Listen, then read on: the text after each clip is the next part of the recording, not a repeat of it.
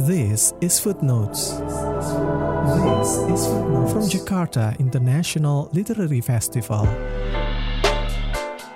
Perbincangan penulis dan intelektual dari berbagai penjuru negeri untuk berbagi gagasan-gagasan yang merangsang pikiran dan sastra. This is Footnotes. Halo semuanya, selamat datang ke Footnotes from JLF. Sebuah rangkaian podcast menuju Jakarta International Literary Festival 2021. Masih dengan tema Heroes, Remaking History. Kembali lagi bersama saya Boni Rambatan. Kita sekarang berada dalam episode 7, ditemani oleh dua orang narasumber, yaitu Mbak Reda. Halo Mbak Reda. Halo Boni, selamat malam. Halo semuanya. Selamat malam. Dan ada juga Kak Nica. Halo Kak Nica. Halo Kak Boni, halo Mbak Reda dan semuanya, selamat malam. Kali ini kita akan membahas tentang para pahlawan di dalam semesta cerita anak. Cerita anak dan komik barangkali paling banyak mengandung kisah-kisah kepahlawanan. Di sana juga paling banyak kita temukan kisah-kisah fantasi yang tentunya kuat dengan nilai-nilai kepahlawanan dan yang lain-lain pada yang tertanam pada seorang pahlawan tersebut. Mengapa kisah-kisah anak banyak memuat nilai-nilai kepahlawanan dan bagaimanakah keadaan keduanya di Indonesia? Sebelum kita masuk diskusinya, mungkin saya perkenalkan dulu ya kedua orang narasumber kita malam ini. Pertama ada Anissa Rizkiana Rahmasari atau akrab dipanggil dengan Kak Nica. Dia adalah seorang seniman dan penulis yang lahir di Semarang dan kini tinggal di Yogyakarta. Ia mengawali karir berkeseniannya sebagai seorang zine maker. Pada 2017, Anissa menginisiasi proyek komik strip 4 panel di bawah nama Nica Komika ia menerbitkan buku komik puisi pertamanya Jingga Jenaka. Yang kedua ada Mbak Reda. Reda Gaudiamo memulai debut berkeseniannya di bidang musikalisasi puisi sejak duduk di jurusan sastra Perancis, FIB UI. Bekerja cukup lama sebagai jurnalis, ia menulis artikel dengan pelbagai topik serta juga cerita pendek yang tersebar di berbagai media massa. Di dalam musikalisasi puisi, ia dikenal lewat duo bersama almarhum Ari Malibu. Sepeninggalan rekannya tersebut, Reda Gaudiamo terus berkarya musikalisasi puisi. Ia juga menulis buku anak, Aku, Maps, dan Babs di tahun 2016, Nawila yang terbit di tahun 2018, dan Nawila dan Rumah Dalam Gang yang terbit di tahun 2018. Oke, langsung saja kita mulai apa eh, kita masuk diskusinya. Kita kan sekarang sedang membahas tentang apa eh, kaitan antara konsep pahlawanan dan dunia anak gitu ya, dunia semesta cerita anak. Mungkin bisa bisa diberikan apa gambaran besar terlebih dahulu ya sebetulnya sebelum masuk ke situ tuh apa sih pentingnya apa uh, kisah anak-anak dan dunia anak cerita anak kenapa kenapa apa Kanica dan Mbak Reda tertarik ke ke dalam dunia anak itu ya. sebetulnya masuk ke dunia cerita anak eh, terjadi tanpa disengaja sebetulnya. Jadi uh, saya membuat tulisan tentang Nawila di blog itu karena saya memikir saya punya ke, keresahan atau uh, apa ya ya hal-hal yang saya pikirkan ketika menghadapi uh, pertanyaan-pertanyaan anak saya yang waktu itu masih SD tentang teman-temannya tentang pertanyaan-pertanyaan yang diajukan ke, dari oleh teman-temannya kepada anak saya. Jadi itu yang membuat saya jadi ingin menulis sesuatu pandangan so, pandangan saya tentang uh, dunia anak yang menurut saya uh, saat itu ketika anak saya masih SD itu jadi sekitar tahun 90-an tengah 95 9 enggak enggak 97 98 dan seterusnya itu menurut saya uh, mulai tidak asik menurut saya tidak asik kalau dibandingkan dengan masa kecil saya. Jadi hmm. saya merasa uh, ingin bicara tentang uh, kepada orang tua. Sebenarnya tujuannya adalah bicara kepada orang tua bahwa kenapa anak-anak tidak diberi kesempatan untuk menjadi anak-anak, tidak diberi tempat untuk ber, bersuara, untuk berbicara dan uh, menjadi apa adanya, tanpa hmm. harus hmm. banyak uh, ada beban-beban uh, pesan dari orang tua. Hal yang paling hmm. uh, mengganggu buat saya adalah ketika anak saya pulang bermain dan dia bertanya agama agamanya oh, iya. apa. Iya, dan yeah, yeah. di rumah kami tidak membahas itu sama sekali. Hmm. Jadi Dan saya terkejut ketika dia pulang dengan pertanyaan agama saya apa ya. Lalu saya merasa bahwa ini ada yang nggak beres. Kenapa seorang hmm. anak umur 4 tahun pulang dan membawa pertanyaan seperti itu. Ketika saya kecil, saya tidak pernah mendapat pertanyaan itu dari teman saya yang mana pun. Uh, paling pertanyaannya tinggal di mana, ya. adiknya berapa, ibunya galak atau enggak, lebih lebih seperti itu. Nah, jadi saya mencoba menulis sesuatu untuk orang tua dari teman anak-anak saya.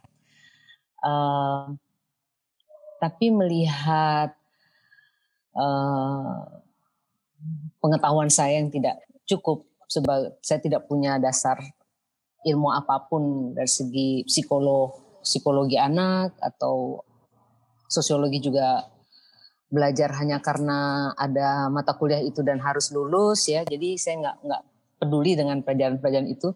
Jadi saya merasa harus melakukan sesuatu. Jadi saya menulis lewat cerita dari sudut pandang anak.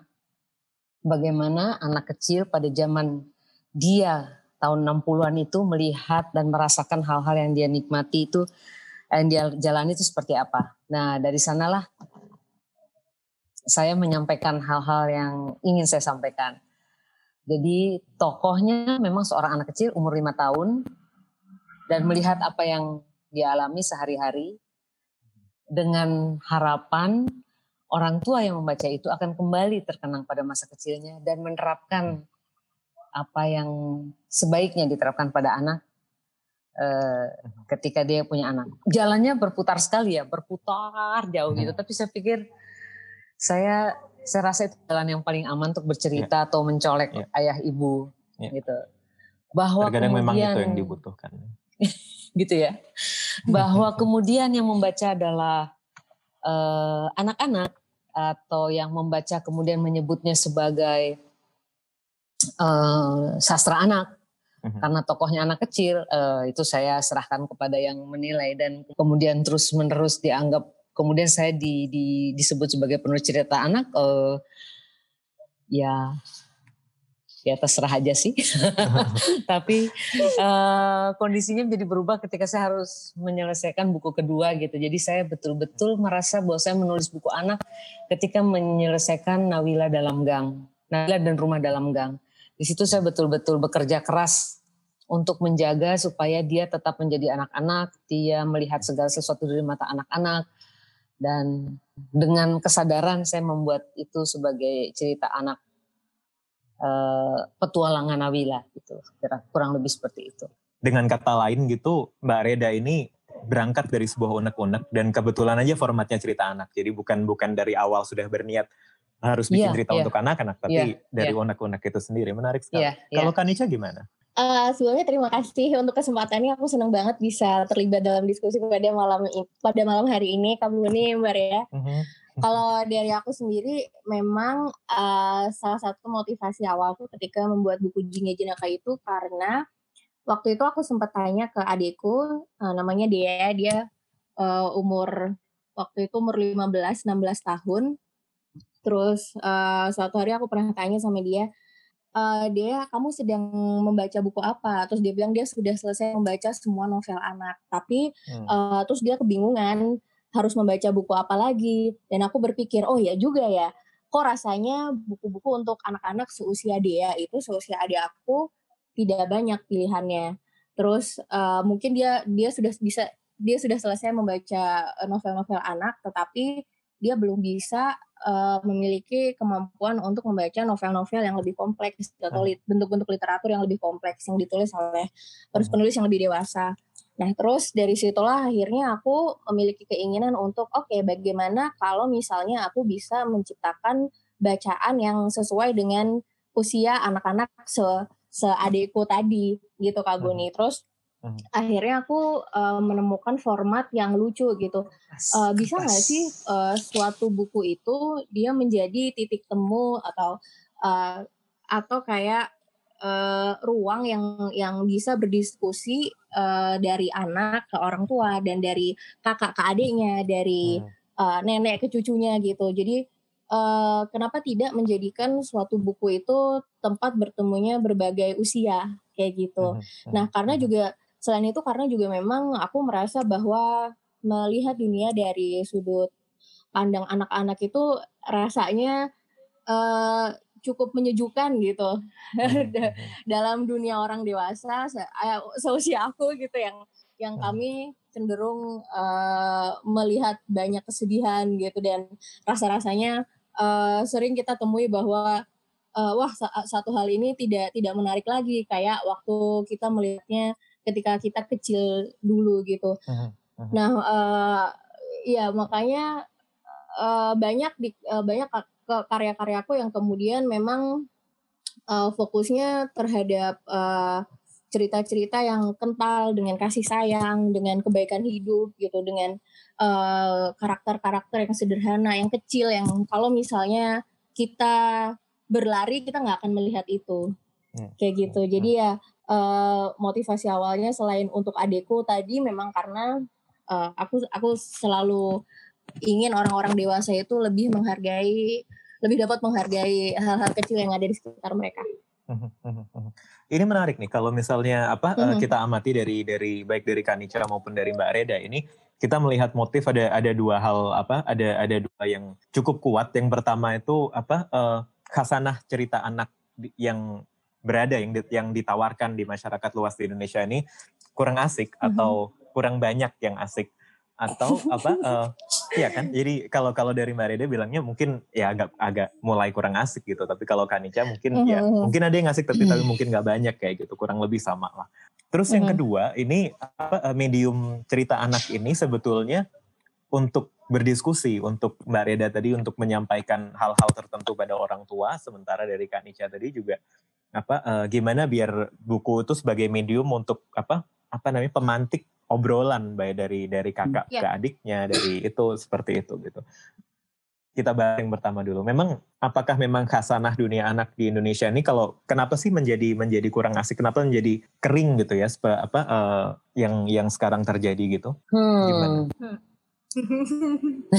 langsung hmm, berdua-dua mbak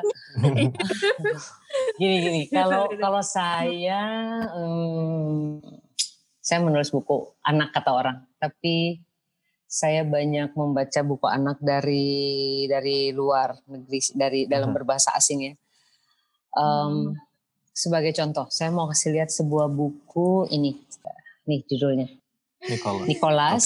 Okay. Nicholas yang menulis adalah Goscinny dan Sembe. Oh. Jadi ada Goscinny yang membuat Asterix. Yeah, yeah. Dan mm-hmm. ya, saya coba ini dilihat ada sebuah adegan yang sangat menarik.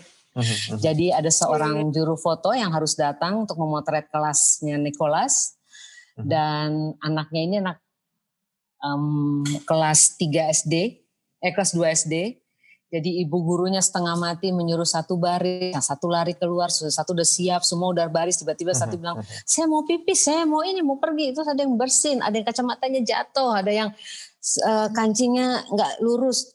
Jadi sampai akhirnya fotografernya uh, putus asa lalu memilih untuk pulang dan tidak memotret kelas itu saya merasa saya sangat sulit menemukan buku cerita seperti itu, yang konyol, yang bermain, yang bahwa ya. anak-anak ya. itu anak-anak tuh punya kenakalan seperti itu dan itu direkam ya. dengan baik. Uh, mungkin siapa tahu nanti kalau ada yang tertarik ya, Nicholas ini ada satu dua tiga empat lima buku, ada hmm. Nicholas, terus ada yang judulnya Nicholas and the Nicholas and the Gang. Uh -huh. Nicholas and Vacation, lalu ada in trouble gitu. Jadi uh-huh, uh-huh. di situ uh, saya melihat bahwa ya ampun Nicholas ini ya bisa membuat ayah dan ibunya berantem karena uh, omongannya Nicholas. Jadi dia bilang ke ibunya dia dia jatuh sehingga bajunya kotor kepada ayahnya. Dia bilang dia berantem. Jadi dia tahu betul cara mempermainkan ayah dan ibunya gitu. Jadi uh-huh. uh, itu hal yang wajar buat anak-anak dan uh-huh. sehari-hari kita lihat itu tapi kok di buku kita nggak ada yang kayak gitu ya? Gitu cerita yang seperti itu gitu. Kok semua iya. anak-anak serba lurus-lurus kayak penggaris besi gitu ya? Serba yang yeah, iya. baik sekali yang nakal sekali yang baik itu rajin sekali beribadah yang nakal itu tidak beribadah jahilin orang. Sementara Nicholas itu tiap hari Minggu dia ke gereja karena di, harus pergi ke gereja oleh ayah dan ibunya, tetapi di gereja dia itu uh, membawa membawa marmut di kantongnya. Jadi kan kebayang ya seperti apa kejadiannya gitu. Lalu atau dia datang ke gereja hanya karena harus setor muka kepada neneknya dan kalau neneknya lihat dia dari gereja dia akan dapat uang jajan lebih. Hmm. Hmm. Hal-hal yang kalau bicara soal moral baik dan buruk, buku ini tidak ada moralnya sama sekali. Buku ini adalah ini hanya mencatat kenakalan seorang anak laki-laki dan setiap hari apa yang dia lakukan. Uh, saya ingin sekali, saya merasa bahwa kita tidak punya buku yang seperti itu. Atau mungkin seperti Toto Chan yang -hmm. kita semua ketika membaca Toto, Toto Chan sangat senang. Ada anak seperti itu. Tapi kenapa tidak ada buku seperti itu ya? Kenapa tidak ada kenapa buku seperti itu sangat jarang di dibuat. Nah itu yang membuat gemes sebenarnya dan dan saya rasa itu tidak adil pada anak-anak ya bahwa mhm, kisah kehidupan mhm. mereka tidak dicatat dan tidak dianggap tidak dianggap ada gitu bahwa anak-anak harus lurus harus ingin bahwa anak yang nakal yang tidak beribadah pada hari yang semestinya atau menjalankan hal-hal yang seharusnya dilakukan oleh anak yang baik dan benar dan lurus akan mengalami malapetaka. Gitu. Jadi hidup nggak gitu deh buat anak-anak. Jadi harusnya kita menjadi membuat tulisan yang apa ya uh, yang bersikap adil pada anak-anak menurut saya itu dan saya membutuhkan buku seperti itu untuk anak saya jadi ya. saya mencari buku itu di luar di dari buku-buku mhm, penulis mhm. luar. Mhm, Kanica nih kayaknya apa tadi dari tadi udah mengangguk-angguk setuju terus nih. Betul kamu gimana iya gimana? sih, aku sepakat aku sepakat uh, sekali juga bahwa memang ada uh, semacam kekakuan ya dalam literatur-literatur mm. anak di Indonesia gitu. Bahwa mm uh, anak-anak yang baik adalah anak-anak yang rajin beribadah dan anak-anak yang pemalas itu adalah uh, karakter masuk apa, neraka. Uh, lekat. Ya, lekat dengan karakter dosa dosa dosa iya. Kayak gitu. Terus uh, memang itu jadi tantangan bagi ya kita kita ini semua ya. Aku pikir mhm, orang-orang yang kemudian uh, uh, apa namanya merangkai uh, banyak benang-benang dalam dalam dunia sastra anak di Indonesia. Terus uh, aku juga merasa tuh waktu aku aku rasanya banyak banyak belajar gitu dari anak-anak seusia adikku yang dia dia sudah tidak kecil lagi tapi dia belum besar sekali juga. Terus uh aku sering terpikir wah bagaimana ya kalau e, bagaimana kita harus membahasakan misalnya seperti roman gitu seperti kisah cinta uh-huh. untuk anak-anak yang masih belum dewasa tetapi dengan bahasa yang yang fair gitu untuk mereka dengan bahasa yang adil makanya e, aku ingin aku ingin dapat apa ya kayak kayak bisa memberi ruang aja untuk untuk kelenturan yang seperti itu gitu yang yang seperti yang Mbak bilang yang konyol yang apa ya yang apa adanya aja gitu loh. Dan memang uh, buku-buku seperti Toto Chan kayak gitu sangat menginspirasi aku dan jujur saja cukup mengubah pandangan aku tentang bagaimana bentuk sastra anak itu seharusnya ada lebih banyak dalam format yang yang yang seperti itu gitu yang yang Toto-chan itu harusnya mungkin uh, ya. harus ada di di perpustakaan setiap sekolah yang ada di sini gitu rasanya. Iya. Terus ya uh, ya dan dari koleksi buku-buku bacaan adekku tadi aku jadi paham bahwa wah memang betul buku buku-buku seperti yang yang seperti formatnya kayak Toto-chan itu tidak tidak banyak ada gitu. Jadi ya mengapa tidak untuk menulisnya lebih banyak? Kayak gitu Jadi, apa, iya di sini apa ya semacam semacam hmm. ada hmm. perbedaan cara memandang anak-anak anak-anak itu sebetulnya manusia seperti apa gitu kan. Jadi karena banyak sekali saya saya pun saya pun punya punya pengalaman pengalaman tertentu untuk apa saya kan juga bekerja bekerja di komik di animasi dan yang apa dan sebagainya seperti itu begitu kita apa memunculkan tokoh-tokoh yang bisa diinterpretasikan sebagai anak nakal sebagai tokoh utama atau tokoh utama ini apa uh, memiliki karakter-karakter yang kurang ideal banyak sekali apa banyak sekali saran-saran jangan jangan kayak gitu dong mendingan seperti ini aja kan anak-anak itu butuh teladan yang baik. Nanti gimana kalau kalau mereka apa uh, diberikan contoh yang salah nanti mereka juga ikut nakal dan sebagainya gitu. Seolah-olah anak-anak itu apa ya bodoh. kayak pasif banget iya bodoh nggak nggak bisa nggak bisa iya. mikir sendiri pasif banget kayak nah yes. kenapa tuh dan dan kaitannya dengan tadi tadi yang apa menurut saya menarik banget kalau misalnya ditanyain mungkin apa uh, cerita-cerita anak tertentu dianggap tidak bermoral atau kurang bermoral gitu kan nah tapi di sini ada pertanyaan tentang sebetulnya anak-anak itu bagaimana memandang anak-anak itu dan moralitas itu apa dan gimana yang pengen saya tanyakan itu kenapa terjadi seperti ini? Kenapa kenapa banyak orang kalau kalau apa terutama kalau lihat dulu itu kan banyak ya cerita anak-anak yang cukup asik, tapi makin ke sini kenapa kok tiba-tiba anak-anak tuh dipandang sebagai yang harus dibentuk kayak ya udah nggak bisa nggak punya agency nggak punya apa eh, nggak uh, punya kehendak bebas untuk kenakalan mereka sendiri gitu apa kira-kira yang terjadi dalam dunia anak sampai menjadi sampai timbul perdebatan-perdebatan apa perbedaan cara pandang seperti ini saya pikir ini adalah perubahan yang besar di di di di sini di di negeri kita ini bahwa um, melihat bahwa ya kita lihat seharian bagaimana orang-orang memikirkan moral, memikirkan uh, apa ya kebaikan itu harus harus selalu lewat agama, lewat apa. Jadi itu berpengaruh pada anak. Tapi di sisi lain saya melihat bahwa orang lupa bahwa anak itu adalah manusia, hanya hanya kemasannya aja yang kecil. Mhm. Tetapi dia secara utuh dia adalah manusia yang lengkap, yang bahkan uh sangat uh, murni, sangat sensitif, sangat pandai.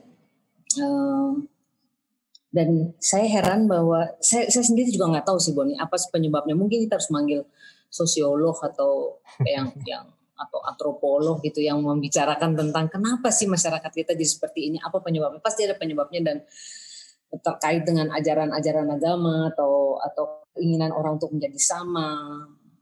Hal-hal seperti itu pasti adalah hmm. di antaranya.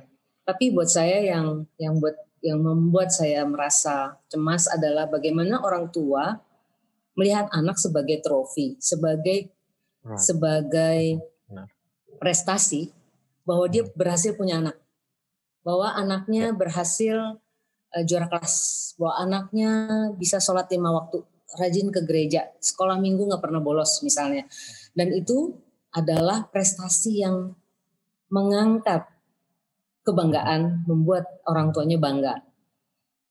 Apakah hmm. dipikirkan bahwa anaknya ikut bangga, anaknya senang dengan melakukan itu? Saya rasa itu bisa diragukan itu diragukan saya saya meragukan itu uh, apakah perasaan anak yang ikut kursus ini kursus itu les balet les naik kuda les ice skating les ini tuh dipikirkan kebahagiaannya betul anaknya mau itu apakah bukan uh-huh. itu keinginan orang tuanya jadi. Semuanya berpulang pada kebanggaan orang tua dan kebanggaan orang uh-huh. tua itu yang menjadi hal yang utama dan penting dan terus menerus di di diagung-agungkan anak sekolah anak tidak naik kelas, maka orang tuanya bilang, kan saya malu dong kamu nggak naik kelas.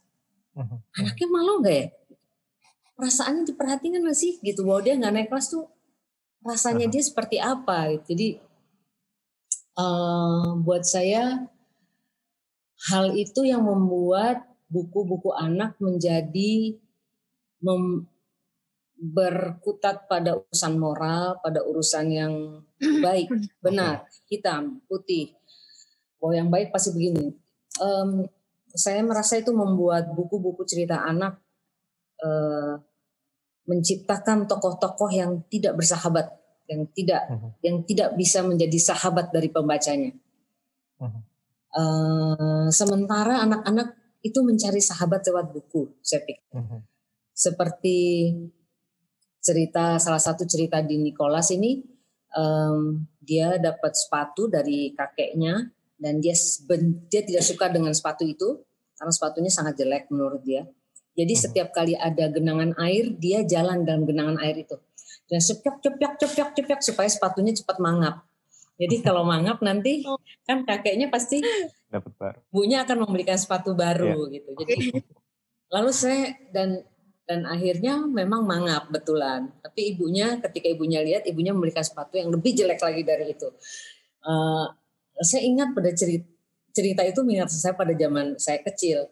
Saya sebel banget kalau ayah dan kalau ibu saya membelikan saya sepatu bata yang depannya tuh bulat gitu kayak sepatunya kakek Gepeto tuh ya aduh sementara teman saya tuh sepatunya lancip-lancip, cakep-cakep gitu ya, ujungnya tajam-tajam gitu. Jadi itu yang saya lakukan seperti seperti yang Nicholas lakukan. Jadi kalau ada becek, ada lumpur saya berendam kaki saya saya rendam lama-lama.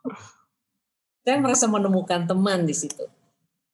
Nah, eh, ketika anak saya sudah bisa baca bahasa Inggris, dia sangat menyukai buku ini karena dia bisa tertawa sampai terpingkal-pingkal merasa bahwa wah iya itu lucu banget tuh. Nah, kita membutuhkan buku dengan karakter yang membuat si pembacanya menemukan dirinya di situ, menemukan temannya di situ, yang sama-sama uh, ada istilah nih, uh, saya lihat di mana dia bilang, we need uh, a hopeless heroes.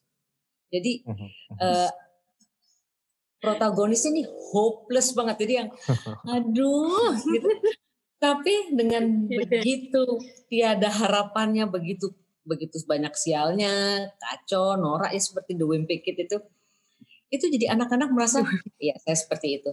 Bikin PR gitu, misalnya adik saya gitu buat PR, ternyata buku PR-nya digigit, dicabik-cabik oleh anjing peliharaan kami gitu ya. Itu ya dia bawa ke sekolah, bawa buku yang sudah sudah buat buku, sudah buat PR bu guru, tapi dimakan anjing gitu kan. Kayaknya gurunya pengen gitu, tapi mhm, mhm. mau bilang apa. Jadi menurut saya kita membutuhkan cerita yang tokohnya mendengarkan atau menjadi teman dari dari pembaca dan itu yang yang tidak ada karena orang tua ingin anaknya benar, orang tua ingin anaknya uh, cemerlang, hebat. Karena itu akan membuat mereka bangga. Mereka sebagai orang tua bangga. Lupa bahwa anaknya, bahwa urusan bangga itu anaknya harus bangga pada dirinya, bukan bukan orang tuanya bangga bahwa anak saya oke okay banget bisa naik ke level 2 balet anu bisa main nutcracker atau apa gitu. Itulah buat iya, saya iya. yang mencemaskan sih sebenarnya, mencemaskan sekali iya. sekarang. Benar, benar. Uh, Kak Nici gimana? Mungkin juga bisa di, disampaikan apa eh, dialog-dialog yang ingin dibangun gitu ya untuk apa untuk antara kakak dan adik atau orang tua dan anak dan sebagainya tadi. Iya Kak Buni, uh, memang aku sih merasanya bahwa lagi-lagi kekakuan itu tadi tuh justru uh, asalnya itu bukan dari anak-anak gitu ya, karena sejatinya anak-anak tuh bukan seperti itu, nggak nggak nggak biner gitu. Uh, terus uh, hadirnya produk-produk uh, bacaan yang apa tidak memberi ruang, tidak memberi pilihan untuk anak-anak itu justru mencerminkan kondisi uh, kita sebagai orang dewasa gitu. Apa yang terjadi dalam ego kita, apa yang terjadi dalam masyarakat dewasa di Indonesia yang lebih luas lagi. Uh, apa namanya produk-produk bacaan itu bisa menjadi uh, tolak ukur gitu sudah sekacau apa gitu uh, masyarakat kita. Kalau Kanice pribadi apa uh, uh-huh. dialog-dialog semacam apa sih yang yang berusaha di dibangun dengan karya-karya melalui karya-karya Kanice? Kalau dari Jingga Jenaka sendiri itu memang selain uh, pengennya dapat membahasakan hal-hal yang hal-hal hal-hal yang susah banget gitu dalam dalam uh, apa kehidupan kita sehari-hari untuk anak-anak yang lebih muda uh, pengennya juga bisa uh, apa membangun komunikasi lagi ya. Karena aku aku selalu mikir bahwa uh, kenapa sih kita tak kita tambah modern tapi kita jadi tambah terputus gitu. Bahkan ke orang-orang terdekat kita. Kayak misalnya ya kita dan anggota keluarga kita yang lain gitu.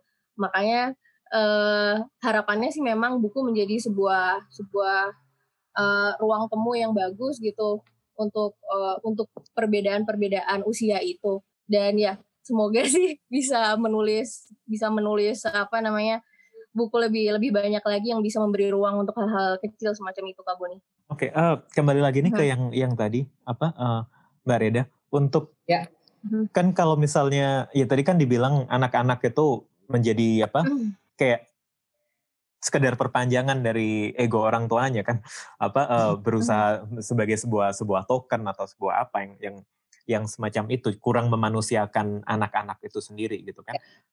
Tapnya kalau anak-anak terus tumbuh di dalam lingkungan seperti itu, jika misalnya nggak ada nggak ada satupun nih akhirnya cerita anak yang beneran bagus yang yang jenaka yang yang apa jika anak-anak tidak punya akses pada buku-buku cerita yang bisa membuat bisa apa menjadi teman buat mereka seperti itu. Dan seperti yang kita tahu banyak masih banyak sekali anak-anak yang tidak punya akses seperti itu. Itu uh, risiko terbesarnya apa sih kira-kira?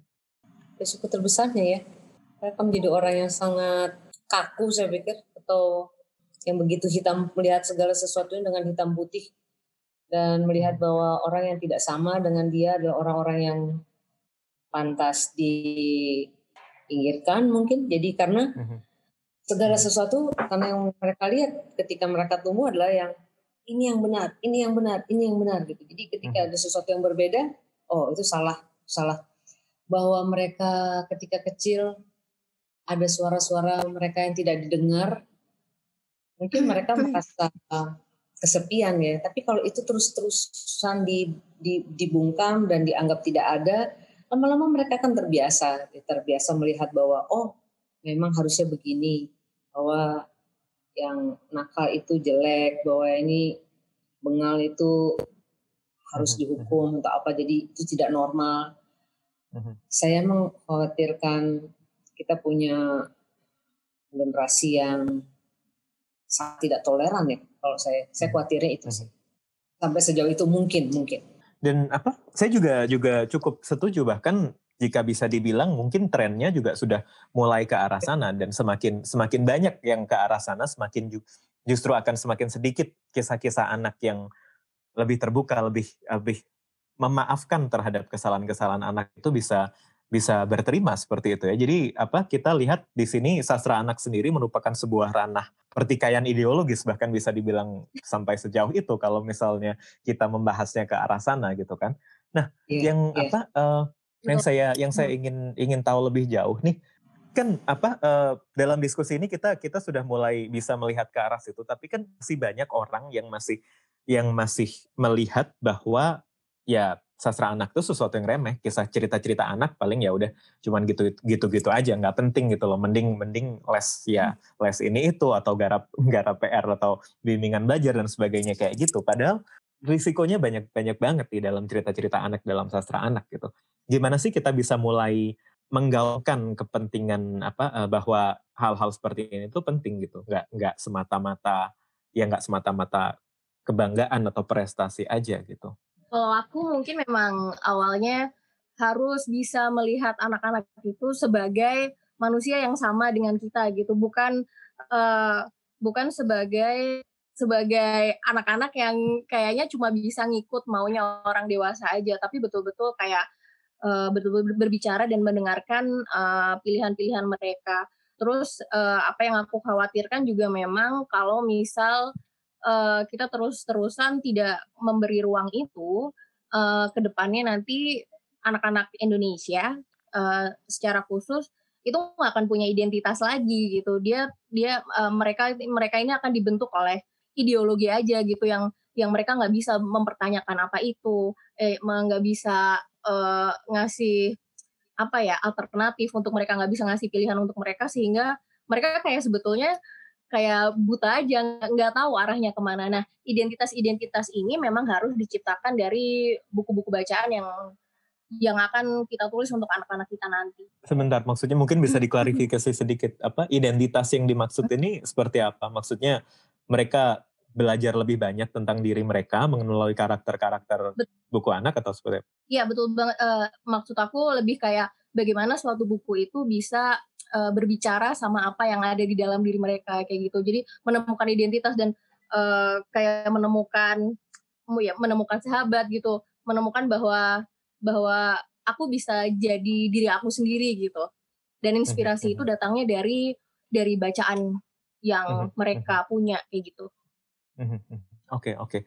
Iya jadi apa kalau misalnya misalnya memang memang kita sudah menyadari berbagai macam kepentingan sastra anak ini termasuk termasuk untuk uh-huh. pembangunan identitas untuk untuk apa uh, apa ya eksplorasi diri yang lebih jujur lah katakanlah untuk untuk apa untuk anak-anak itu sendiri gitu. Tapi di sisi lain kalau misalnya kondisi kondisi penerbit atau kondisi perbukuan di Indonesia kurang suportif terhadap cerita-cerita anak yang lebih terbuka seperti ini itu gimana dong? Kayak apa yang bisa kita lakukan untuk itu? Nah, ini dia tantangannya sih Kak Boni. Um, jadi karena karena dalam profesi aku aku banyak mengerjakan zin ya. Jadi itu hmm. kayak semacam semacam produk baca, produk tulis dan karya cetak yang yang bisa aku terbitkan sendiri. Aku banyak uh, apa eksplorasi karya, eksplorasi bagaimana aku bisa ngobrol dengan audiens aku, bagaimana uh, aku bisa apa ya memunculkan pengetahuan baru dalam dalam zin tersebut. Jadi selain uh, produk-produk buku yang yang aku kerjakan juga, aku juga banyak membuat karya-karya cetak yang bisa dibuat secara mudah dan dan cukup murah uh, dan anak-anak hmm. bisa mengerjakan juga dan dan zin ini uh, itu sudah aku kerjakan sejak 2012. Aku ingat banget uh, salah satu ada ada zin anak yang yang aku buat itu judulnya uh, Xiong Xiong. Jadi Xiong Xiong ini adalah uh, uh, karakter uh, karakter beruang yang dia itu uh, suka bermain-main di di ini di Antartika gitu. Terus kemudian uh, dia dia bermimpi dia mengejar banyak ikan dan ternyata waktu bangun dia masih dia masih perutnya masih lapar gitu.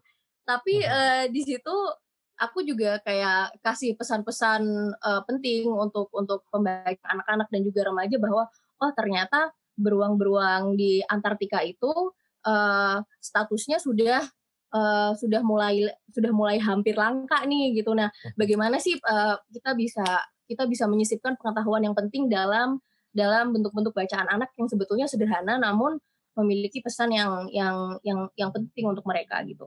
Yeah. Semangatnya senada senada banget sama yang sering kali aku kerjakan. Jadi kayaknya apa uh, udah satu mhm. frekuensi lah kalau so, kalau soal itunya. kalau apa yeah. Iya. uh, Mbak Reda nih gimana nih menghadapi apa uh, misalnya kisah-kisah anak kurang berterima, apa kisah anak-kisah anak yang ingin untuk ditulis itu ternyata kurang berterima secara luas mhm. gitu ya meskipun tentunya Nawila cukup cukup populer juga gitu. Tapi menurut Mbak Reda sendiri secara secara lebih luas nih, secara lebih lebih global itu gimana sih menghadap, menghadapi tantangan industri buku anak yang seperti ini?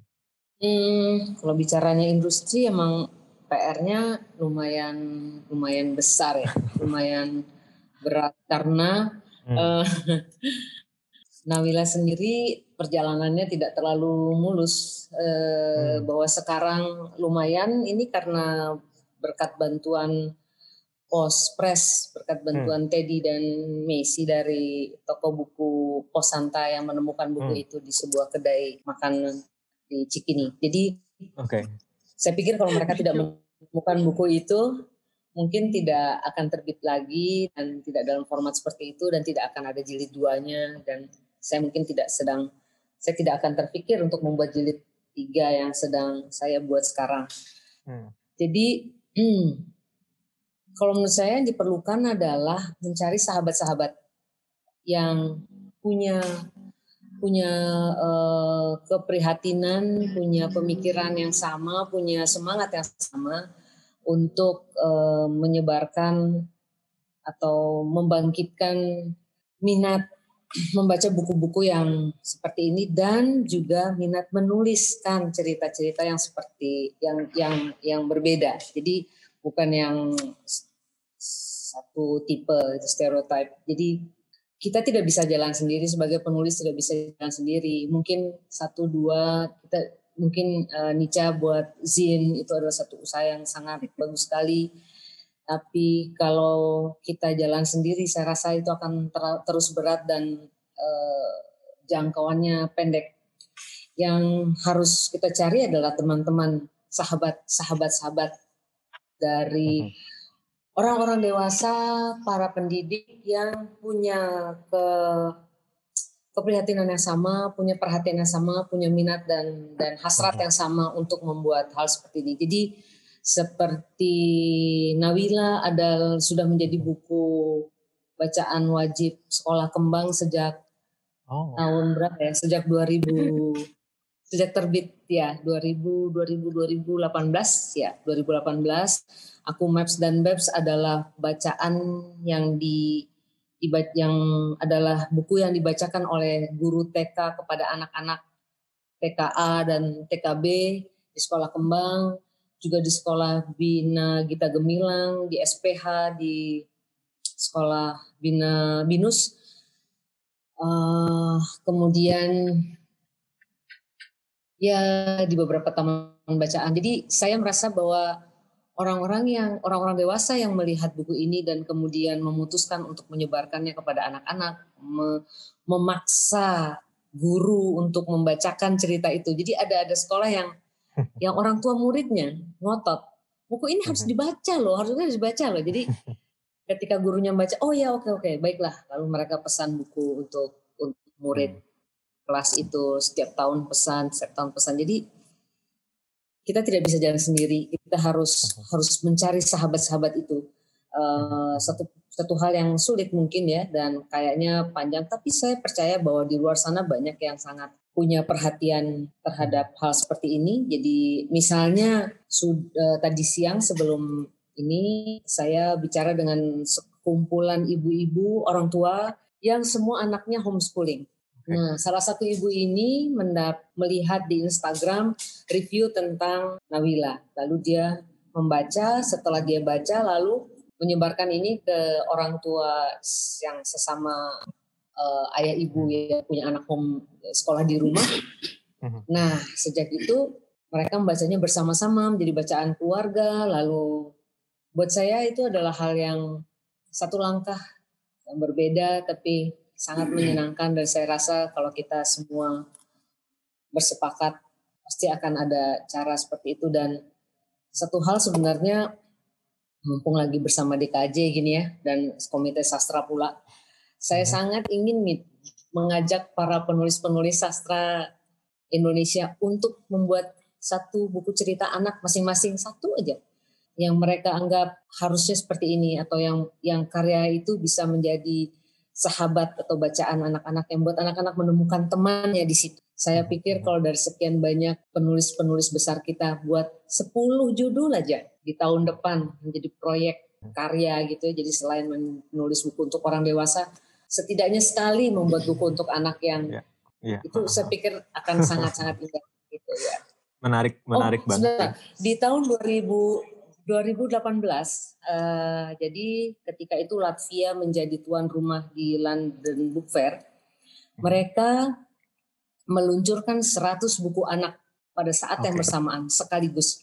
Karena pada waktu itu Latvia berulang tahun yang ke-100. 100 buku anak ini ditulis oleh 100 penulis uh, Latvia. Mereka adalah pemenang uh, penghargaan kesusastraan baik baik dalam maupun luar negeri, para penyair, uh, uh-huh. terus uh, jurnalis. Jadi mereka mengumpulkan 100 penulis dari berbagai bidang dan 100 ini dikasih PR, kamu harus bikin satu buku cerita anak dalam setahun ini. Jadi semua 100-100-nya menyumbangkan naskah, kemudian 100-100-nya diterbitkan menjadi kumpulan buku anak yang mhm. dirayakan penerbitannya bersamaan dengan ulang tahun ke-100 negara uh, Latvia. Saya ngiri hmm. banget tuh dengan dengan hal seperti itu. Aduh, nggak usah 100 deh, 15 aja, 10 aja. Bo, yeah. ah pasti keren banget Kak Berto yeah. gitu, Kak Zigi menulis kan. Iya, ini menarik menarik sekali apalagi juga juga apa? Saya rasa sempat sempat apa uh, Indonesia juga sempat menjadi highlight di Asian Festival for Children's Content di Singapura juga waktu itu tahun berapa saya lupa tapi mm, mm. apa beberapa kali sebetulnya sudah apa ada arahan ke sana tapi sayangnya memang kurang kurang berterima secara luas tentunya nggak nggak sampai segede yeah. Latvia barusan gitu yeah. kan Kanica gimana ada ada tanggapan mungkin tentang ide ini? Iya, aku pikir sih kita nggak kita nggak perlu terlalu takut ya harus ketika kita harus berhadapan dengan misalnya apakah uh, penerbitan besar itu akan menerima uh, ide-ide baca kita kita kasih untuk mereka atau tidak gitu karena selama uh, pesannya jelas gitu dan maksud kita baik dan kita memiliki uh, apa ya uh, apa niat-niat yang jelas gitu untuk membangun sebuah kebudayaan yang bagus yang yang dapat dimulai dari anak-anak kita itu nanti akan akan karya ini akan meneruskan dirinya sendiri gitu akan menggaungkan dirinya sendiri gitu. Kebaikan akan berbalas kebaikan. Aku selalu selalu yakin sama hal itu. Dan ya aku ini semangat sekali untuk bisa kalau bisa berkontribusi dalam dalam apa namanya kumpulan cerita anak di Indonesia yeah. ya semoga yeah. bisa bisa terrealisasikan dengan baik. Aku juga Semoga. pengen. Di koordinir gitu oleh yeah, BKJ yeah. gitu. Wah.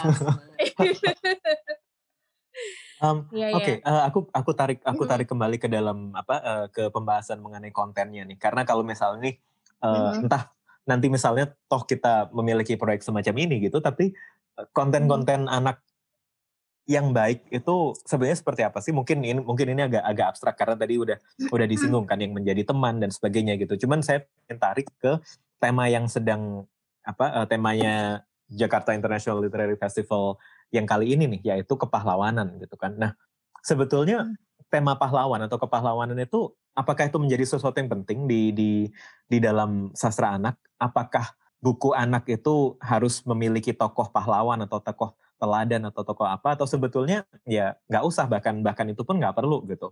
Bah, bukan cuma pahlawan yang jenaka tapi yang nggak perlu ada pahlawan beneran main-main aja. Itu kira-kira seperti apa sih? Apakah ada balance-nya atau atau bagaimana pandangan uh, Kanica dan Bareda kalau untuk aku memang sebetulnya tema-tema pahlawan itu penting dan nggak penting gitu. Karena uh, ada tidak apa-apa tidak ada tidak apa-apa tidak ada pun juga aku pikir nggak apa nggak apa-apa. Uh, uh, namun ada satu hal yang sebetulnya sangat krusial gitu dalam penciptaan karakter pahlawan yang akan kita kasih ke bacaan anak-anak gitu ya. Uh, aku besar uh, aku besar itu banyak melihat uh, apa produk-produk bacaan di mana sosok atau karakter pahlawannya ini nih adalah seorang yang gagah, besar dan bertengkar gitu, yang yang sekira-kira seperti itu. Nah, meskipun memang sekarang aku banyak melihat teman-teman aku juga yang mereka mereka punya concern dalam penciptaan bacaan anak itu uh, mulai uh, apa ya memberi ruang bagi karakter-karakter yang jauh lebih jauh lebih lentur gitu. Kayak misalnya ternyata pahlawannya dinosaurus gitu atau ternyata apa pahlawannya adalah uh, kucingnya atau anjing yang ada di rumah. Dan uh, memang uh, aku pikir uh, apa ya uh, penting untuk dapat memahami bahwa pahlawan itu bukan bukan uh, satu hal yang hayali gitu loh.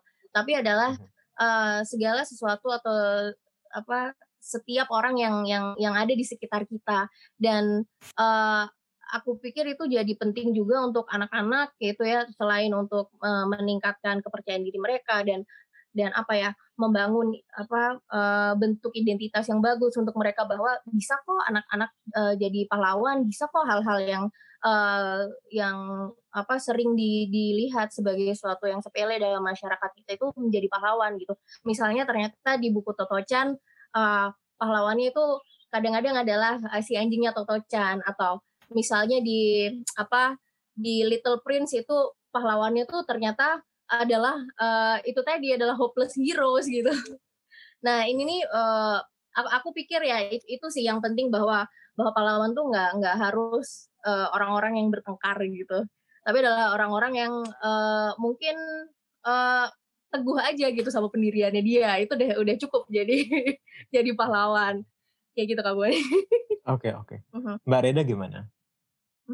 Kalau saya uh, merasa bahwa pahlawan atau heroes itu uh, berhadapan dengan hal-hal yang nyata gitu. Jadi dia uh, deal with real issues. Jadi nggak yang uh, ya dia menghadapi itu, dia jatuh bangun terhadap kondisi seperti itu bahwa dia tidak hitam putih Uh, dan, dan contoh untuk itu sepertinya sebenarnya banyak. Matilda aja tuh nggak hitam putih. Sebagai anak dia kayaknya di dianiaya, di apa pandai, tapi ya hal-hal yang dia balaskan terhadap Mrs. Trunchbull itu kejam ya. juga loh ya gitu ya. sebagai anak kecil. Cukup cukup cukup sadis tuh sebetulnya.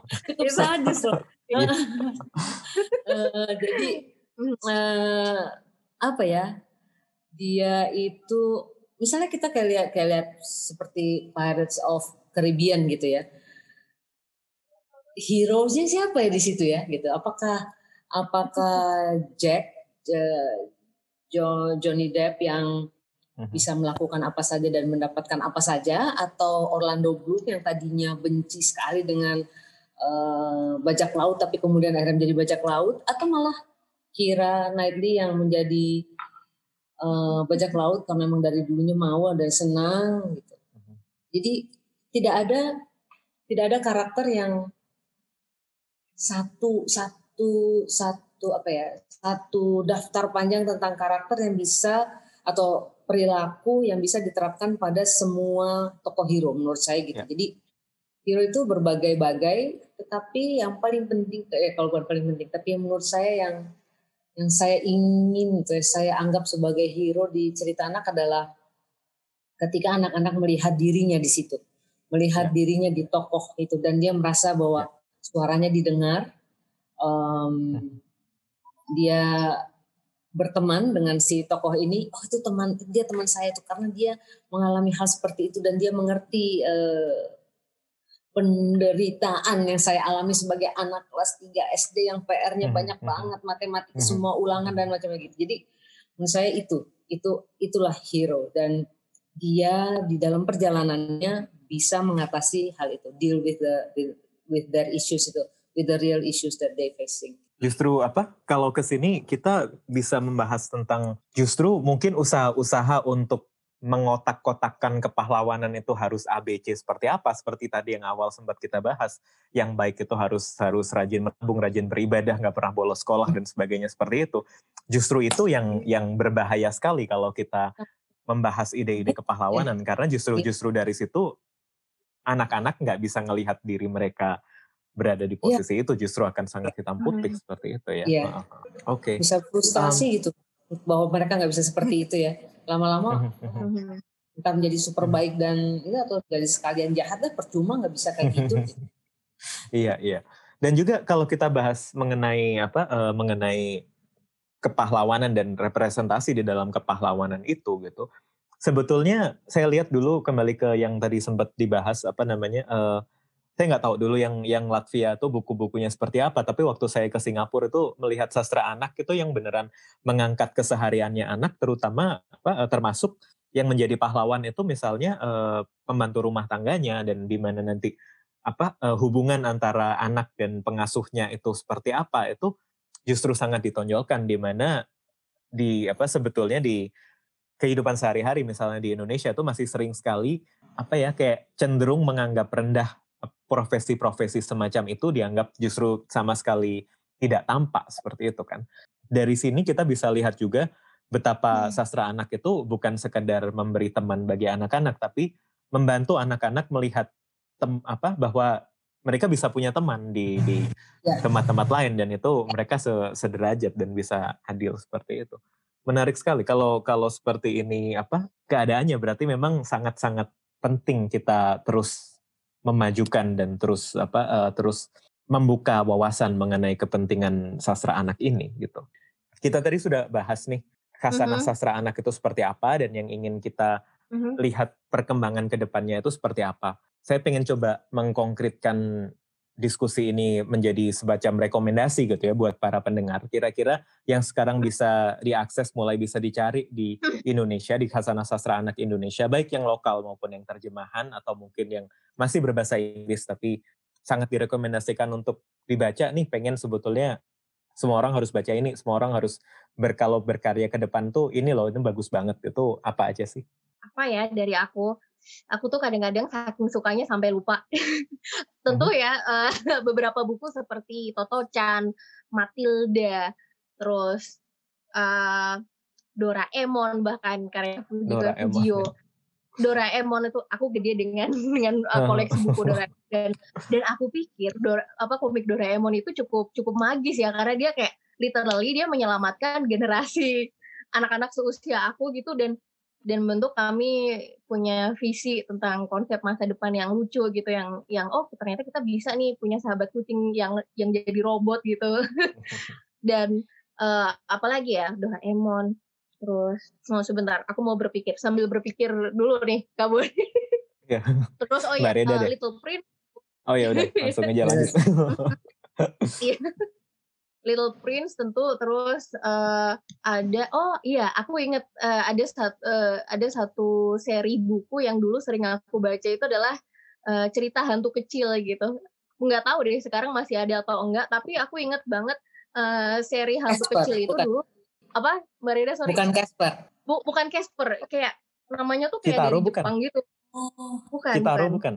Little Ghost Kitaro. Aci Aci siapa okay. Sali Aci dan siapa aku ingat serial hantu kecil itu dulu bukunya okay, tipis okay. banget dan dan itu buku yang buku yang buku yang cukup lucu gitu untuk aku uh, uh, ceritanya tentang persahabatan antara hantu dan juga kucing gitu dan sederhana oh, banget okay. Uh, dan aku pikir banyak tuh uh, kayaknya buku-buku lawas yang sebetulnya masih bisa dibaca oleh anak-anak sekarang dan masih uh, apa uh, masih punya uh, kisah-kisah dan pesan-pesan yang harusnya bisa dibaca lebih luas untuk anak-anak sekarang tapi udah susah ditemukan gitu.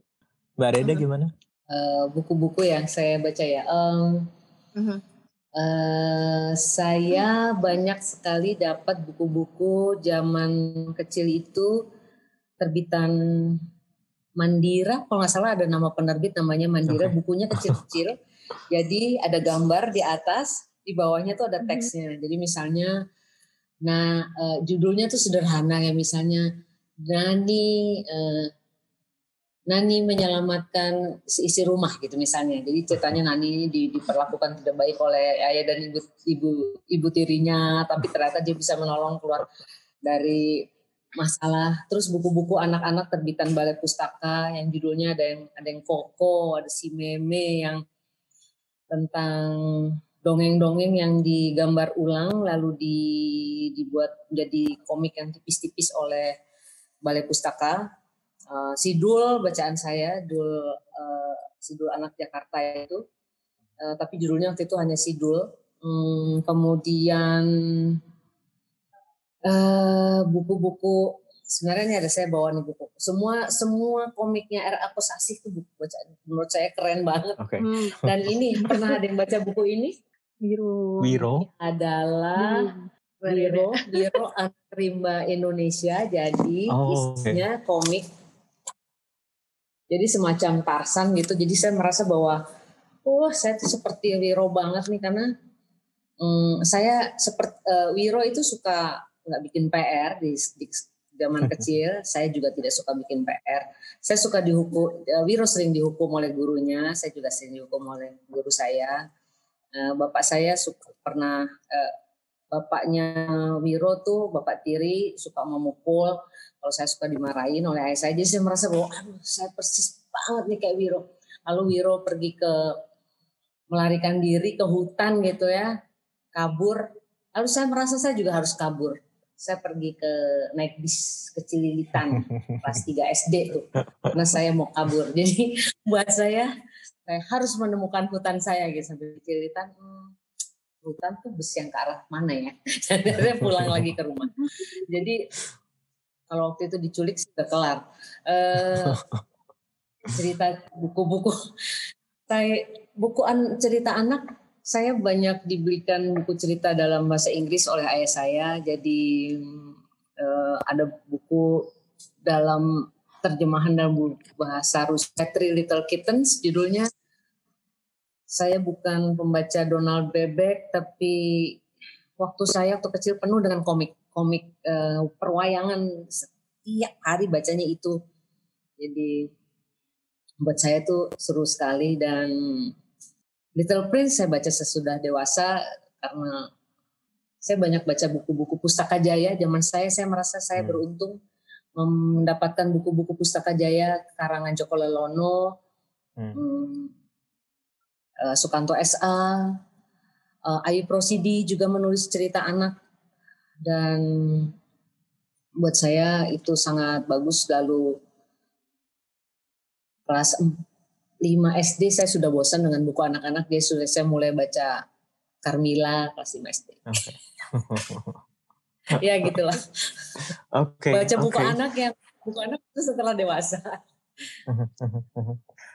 Oke, okay, um, ya waktu kita udah uh, hampir habis. Jadi terima kasih banyak hmm. untuk Kak Nica dan Mbak Reda atas diskusinya. Kalau bisa terima saya kasih.